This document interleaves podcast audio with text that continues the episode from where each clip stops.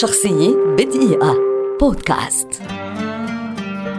مارتينا نافراتيلوفا لاعبة كرة مضرب تشيكية أمريكية شهيرة ولدت عام 1956 في مدينة براغ في ظل الأوضاع السياسية غير المستقرة في تشيكوسلوفاكيا. ما جعلها تطلب اللجوء السياسي لدى الولايات المتحدة الأمريكية عام 1975 وأصبحت مواطنة أمريكية في العام 1981 هي لاعبة تنس مخضرمة احتلت التصنيف الأول عالميا فترة طويلة جدا وتعد واحدة من أفضل لاعبات كرة المضرب في التاريخ. خلال مشوارها في ملاعب كرة المضرب حصدت نفراتيلوفا 18 لقب جراند سلام على المستوى الفردي و41 على مستوى الزوجي وتحمل الرقم القياسي في عدد مرات الفوز ببطولة ويمبلدون وهو تسع مرات. فازت مارتينا خلال مسيرتها الحافلة ب 1442 مباراة على المستوى الفردي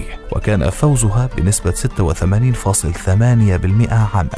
وبلغ إجمالي قيمة الجوائز المالية التي حصلت عليها أكثر من 21 مليون دولارا أمريكيا ونصف. وبلغ عدد الأسابيع التي كانت فيها رقم واحد على العالم 332 أسبوعا منها 156 أسبوعا متتاليا. وهي أكبر لاعبة سنا تفوز بمباراة على مستوى المحترفين بفردي السيدات عندما تمكنت من الفوز بالدور الأول لبطولة ويمبلدون عام 2004 آخر بطولة فازت بها مارتينا نافراتيلوفا في زوجي السيدات كانت في أغسطس من العام 2006 عندما فازت ببطولة مونتريال الكندية مع اللاعبة الروسية ناديا بيتروفا. وقد أعلنت خلال مشاركتها في بطولة ويمبلدون عام 2006 بأن ذلك الموسم سيكون موسمها الأخير في الزوجي على مستوى المحترفين. وتمكنت من الفوز في آخر مباراة لها كمحترفة عندما أحرزت لقب الزوجي المختلط لبطولة الولايات المتحدة مع مايك برين.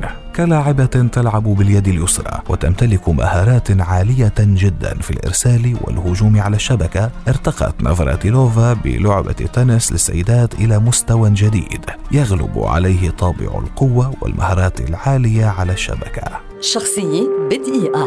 بودكاست.